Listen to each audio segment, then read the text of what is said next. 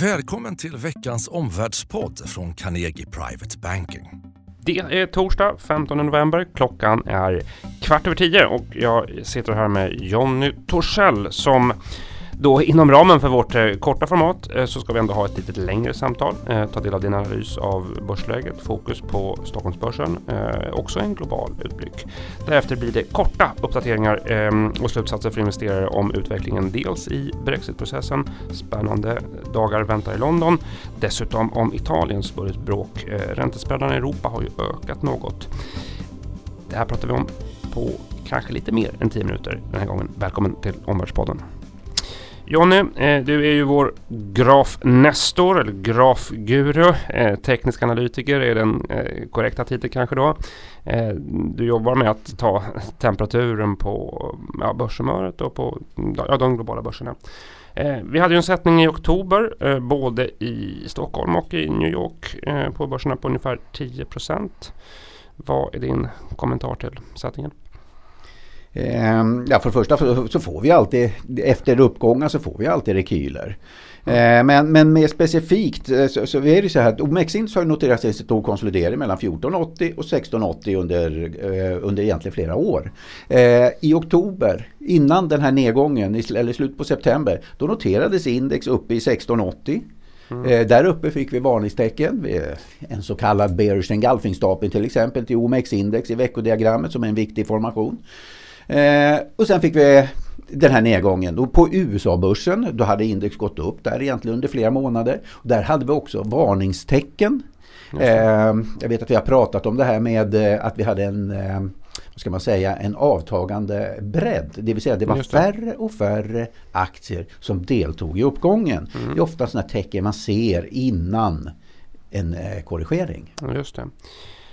Men du tycker att det är fortfarande inom ramen för en konsolidering då så att säga. Ja, det är vi fortfarande. Mm.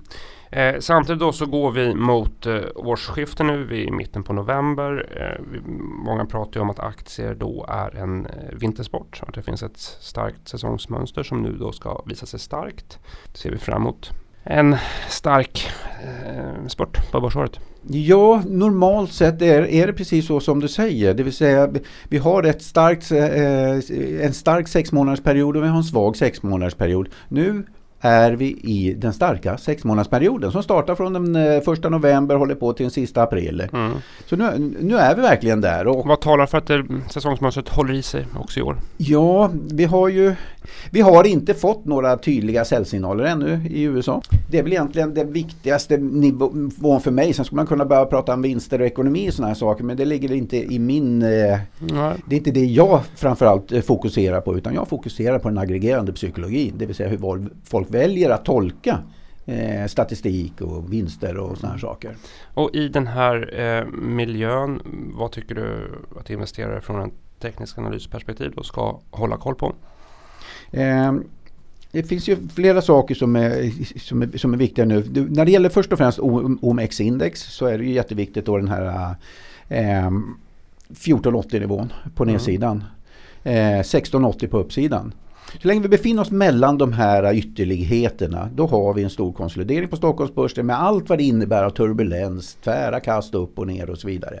Men skulle det bli så, eller man, man säger så här, den här konsolideringen det är ju en konsekvens och orsaken till den det är att placerarna är oroliga. Mm. För det är ju nämligen så här att hade vi, hade placerarna aggregerat varit optimister då hade vi haft upptrend på börsen. Hade vi äh, aggregerat varit pessimistiska, då hade vi haft nedtrend. Just nu har vi alltså osäkerhet som den dominerande psykologin. Mm. Så vad, vad, kommer att hända om vi till exempel skulle bryta igenom 1680 nivån? Eh, jag tror att då kommer vi få förskjutningar i det här placerar kollektivet. De placerare som är osäkra nu, som har skapat den här konsolideringen, de kommer att börja bli lite mer optimistiska. De som är pessimistiska nu, de kommer att börja bli mer osäkra, kanske till och med optimistiska. Mm. Det vill säga det här kommer att leda till en ökad efterfrågan och ett minskat utbud sker det här, det vill säga vi får det här tydliga genombrottet, då tror jag att vi kan ha kanske en uppgångspotential på Stockholmsbörsen på en 10-15% under de kommande, säg 3 9 månaderna. Mm. Skulle vi däremot börja vända ner och bryta under 1480-nivån, då kommer vi få andra typer av förskjutningar. Då får vi en säljsignal. Då kommer de som är osäkra nu börja bli mer pessimistiska. De som är optimistiska nu, de kommer att börja bli mer osäkra, kanske till och med börja bli eh, lite mer rädda. Och det här kommer leda till ett ökat utbud av aktier och förmodligen fortsatt mm. nedgång. Då tror jag att vi börjar närma oss kanske, ska ner mot eh, 2016-botten 15 procent ner eller någonting sånt där. Mm. mm. Så det här blir för mig men, det viktigaste. Du säger alltså att ha koll på så att vi inte går under eh, bottensiffrorna som vi såg i oktober? Ja. Det kan man säga. Ja. Och motsatsvis då eh, om, om vi går högre än 1680 som du säger. Just det, precis. Det tekniska taket. Det tekniska taket så får mm. vi ett mm. utbrott eh, ja. uppåt. Så håll koll på rörelserna i, i, detta. Precis. Eh, mer om Stockholmsbörsen då. Ser du särskilda sektorer som du tycker ser intressanta ut nu? Ja, det finns ju en sektor som ser riktigt het ut och det är ju eh, spelsektorn. Mm. Eh, den, den, den, ser riktigt stark ut. Den har gjort en eh, stark impulsrörelse upp och sen har den nu befunnit sig i en liten rekyl. Jag tror att vi borde få en, eh, en, i alla fall en rörelse till på uppsidan. Mm. Så du, det, det, du, den sa vid, du sa vid vårt morgonmöte att eh, det ser intressant ut om vi får lite mer stabilitet på börsen. Ja, precis. Mm. Så kan det se intressant ut. Ja. Eh, spelsektorn, en sådan, någon mer? Ja, eh, Lite defensiva? Ja, hälsovård till exempel. Mm. Okej, okay, två sektorer som ser intressanta ut tekniskt då mm. eh, främst och det är spel och det är eh, hälsosektorn. Vi lyssnar till dig eh, varje onsdag morgon här på Carnegie. Eh, I den här veckan så eh, blickade du eh, utåt och, och, pekade på de stora, långa, alltså de stora skillnaderna över lång tid eh, de långa trenderna eh, på, på, de eh, globala börserna. Eh, vad ser du när du tittar på de långa trenderna och de globala börserna? Mm, det, här, det, det, här, är eh, verkligen jätteintressant. Eh, man kan förledas att tro att vi har en global bull market, men så är icke fallet. Eh, vi har enorma skillnader mellan börserna. Låt oss titta på hur, till, hur börsen ser ut nu jämfört med toppen 2007. Eh, då kan vi konstatera, om vi börjar i USA så kan vi konstatera att Nasdaq noteras nu ungefär 150% över sin 2007-topp. S&P 70% över sin 2007-topp. DAX-index i Tyskland 40% över och OMX-index 15% över sin 2007-topp. Men Låt oss blicka ut över Europa. Då, kom, här har vi helt, en helt annat scenario. Och, eh, Eurostox 50 noteras 30% under sin eh, 2007-topp. Den franska börsen 18% under, eh, den spanska börsen över 40% under och den italienska börsen hela 56% under sin 2007-topp. Så det är enorma skillnader. Vad, vad, vad är slutsatsen av detta tycker du? Så det här är ju ett, det här är ett bear market beteende. Mm.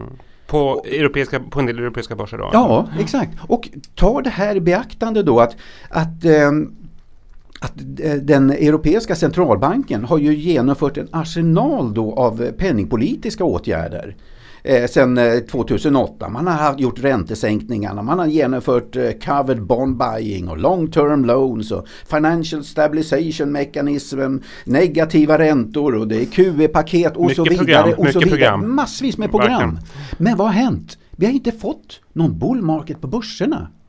Och det här är det här är oroväckande. Mm. Vad kommer då att hända? Om vi skulle få en bear market. Mm, jag vet att det här eh, skrämmer dig. Men, så att säga, om man ska summera ändå då, så att säga, i den här miljön som du beskriver. Ja, främst då eh, med fokus på vart vi står nu och på Stockholmsbörsen. Så hur, hur, tycker du att en eh, investerare ska agera? Mm. Eh, då det, om vi börjar på Stockholmsbörsen och liksom försöker göra då en liten summering. Så har vi då 1480, 1680. All rörelse däremellan, konsolidering och utbrotten som blir viktiga i min värld. Eh, tittar vi på Tyskland så har den börsen redan effektuerat en långsiktig otäck säljsignal. Men den kommer ju inte få verkan, tror jag, om vi inte får andra börser med oss, framförallt då USA. USA har inte effektuerat någon långsiktig säljsignal ännu, utan det kommer att ske om oktoberbottens lägsta punkteras, till exempel 2600-nivån då i S&P 500. När det gäller Europa om man kollar då Eurostox till exempel så får vi en säljsignal samma sak där om det går under oktoberbottens lägsta. Så mm. det blir mina viktigaste eh, nivåer just nu att hålla ögonen på. Förhoppningsvis så sker inte det här utan att det kan börja, börja rulla på enligt det positiva säsongsmönstret då som vi var inne på. Mm. Men om det här skulle ske, då blir det viktigt i min värld. Just det. Okej, om jag ska summera dig då så, så tycker jag ändå slutsatsen är att investerare ska hålla koll på nu. Det är utbrotten. Eh, är det så att vi går under oktoberlägsta nu i november Eh, då, då, kommer du bli orolig. Är det ja, korrekt? Ja, det är helt korrekt. Ja, tack för det. Tack för medverkan. Tack. Gästspel. Tack så mycket. Tack. Dessutom då en kort uppdatering vad gäller Brexit-processen som ju går mot en avgörande utveckling. Mycket dramatiska dagar i London väntar säkert. Eh, den brittiska regeringen har eh, på onsdagskvällen då ställt sig bakom ett utkast till avtal eh, om utträde från den Europeiska unionen. Samtidigt har då Brexit-ministern nu precis när jag gick in i studion aviserat en, en, sin avgång ur regeringen. Pundet störtdök var det han uppfattade. jag, jag tror så här, vad är slutsatsen för investerare? Storbritannien är ändå ett steg närmare ett ordnat eh, utträde med det här avtalsutkastet.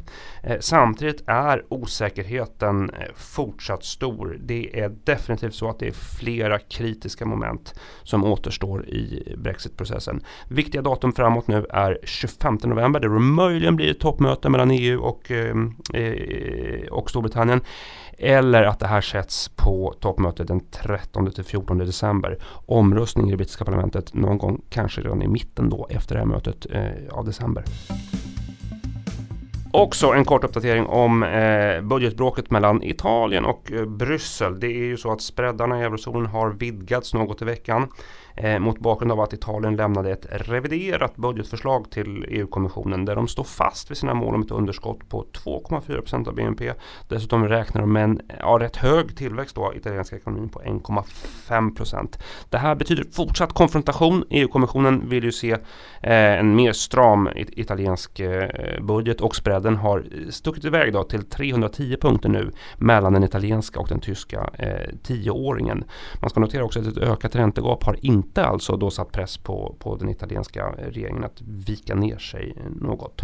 Nästa anhalt, viktigt datum, 21 november. Det är då som EU-kommissionen kommer att göra sin bedömning och avgöras om det ska inledas en bötesprocedur mot eh, Italien. Vad är slutsatsen? Ja, man kan väl notera här att marknadsreaktionen trots allt är ganska sansad. Trots allt, den här frågeställningen finns på radarn. Eh, men det är absolut nervositet eh, snarare än skräck. Det är absolut inte panik. Okej, tre korta slutsatser från dagens eh, samtal. Eh, dels först då, eh, håll koll på utbrotten. Det är viktigt att vi inte passerar oktoberlägsta på Stockholmsbörsen under november månad. Andra slutsatsen Brexit. Storbritannien trots allt, trots allt ett steg närmare ett ordnat utträde. Och tre Italien. Eh, spreadarna går isär samtidigt som marknadsreaktionerna ännu är sansade. Och på torsdag eh, så är det final i Carnegie och Svenska Dagbladets utmärkelse Framtidens entreprenör. Det är torsdagskvällen den 22 november här på Carnegie som investerare får chansen att eh, träffa och lyssna eh, på pitchar från fem stycken eh, eh finalister och också träffa bolagen. Det kommer att bli fullsatt eh, här nere i vår eh, auditorium. Eh, det finns ett par platser kvar. Har du intresse så anmäl dig direkt då på carnegie.se. Tack för att du har lyssnat på Omvärldspodden från Carnegie Private Banking. Vill du veta mer om vad som händer i vår omvärld och få aktuella idéer till affärer? Gå då in på www.carnegie.se veckans viktigaste och prenumerera på vårt nyhetsbrev.